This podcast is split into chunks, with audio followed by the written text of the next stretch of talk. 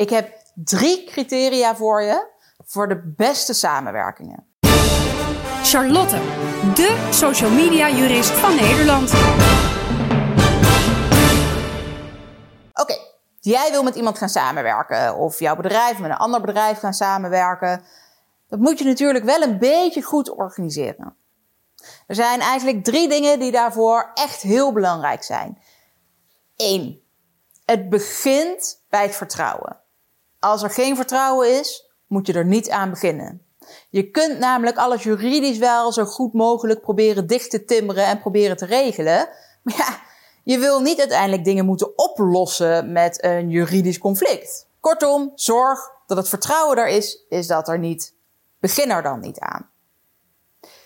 Twee, is dat je goede afspraken moet maken. Als je namelijk nu al voorafgaand aan die samenwerking of aan het begin van die samenwerking geen goede afspraken kunt maken, dan verzeker ik je dat die afspraken later er ook niet gaan komen. Garantie voor problemen. Probeer dus echt aan tafel te gaan zitten, alles volledig uit te onderhandelen. Wees duidelijk naar elkaar toe. Herhaal even wat de ander gezegd heeft om even van elkaar te kunnen checken of je elkaar goed begrepen hebt. En maak op die manier dus alle afspraken die nodig zijn. En probeer daarbij ook rekening te houden met de toekomst. Dat is meteen tip nummer drie. Zorg ook voor een goede exit-strategie. Wat als de samenwerking misloopt, als uh, de een toch iets anders wil gaan doen, als het juist een heel succes wordt, maar de een er wel mee verder wil en de ander toch niet. Wat als het juist gewoon een mislukking wordt, jullie een product of een dienst hebben bedacht en het werkt helemaal niet. Hoe gaan jullie dan uit elkaar? Wie krijgt wat? Wat is er van wie? Hoe kun je verder zonder ruzie met elkaar? Vooraf denk je waarschijnlijk, ja, nee, maar we vertrouwen elkaar. Want anders was je niet gaan samenwerken. En jullie vinden elkaar aardig en jullie gunnen elkaar alles. En jullie zijn allebei de meest eerlijke personen van de hele wereld. Absoluut waar. Alleen vind jij jezelf misschien nog net een beetje eerlijker dan die ander.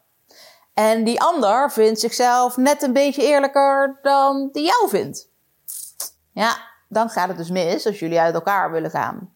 Kortom, leg heel goed vast wat er gebeurt als er één iemand mee wil stoppen, als jullie gezamenlijk besluiten ermee te stoppen. Wat wordt er dan van wie? En dan heb ik eigenlijk nog één bonus tipje. Tip nummer 4. Leg je afspraken vast. Hou het niet bij mondelinge afspraken. En als je dan zegt, ja, maar we kunnen elkaar toch vertrouwen, dus we hoeven het niet vast te leggen, hm. dan vertrouw ik jou dus niet meer. Want als wij elkaar zo goed kunnen vertrouwen en we hebben die afspraken al gemaakt, waarom is het dan een probleem om die afspraken ook nog even op papier te zetten? Wat zijn de bezwaren? Wilde je je eigenlijk toch niet aan die afspraken houden? Wilde je me er toch nog bij naaien? Wilde je stiekem de afspraken toch op een beetje andere manier interpreteren of er wat aan veranderen? Maar als wij elkaar kunnen vertrouwen, dan leggen we die afspraken ook even vast op papier. En dat hoeft allemaal niet super groot. En dat kan in principe ook wel gewoon even met een pdfje dat je per e-mail verstuurt. Maar het moet wel goed zijn. En we moeten het wel echt even duidelijk op één plek op schrift vastleggen. Goed, dit zijn denk ik de belangrijkste elementen voor een goede basis, voor een goede samenwerking. Is dit er niet? Begin dan niet aan die samenwerking. Je moet echt hiermee starten.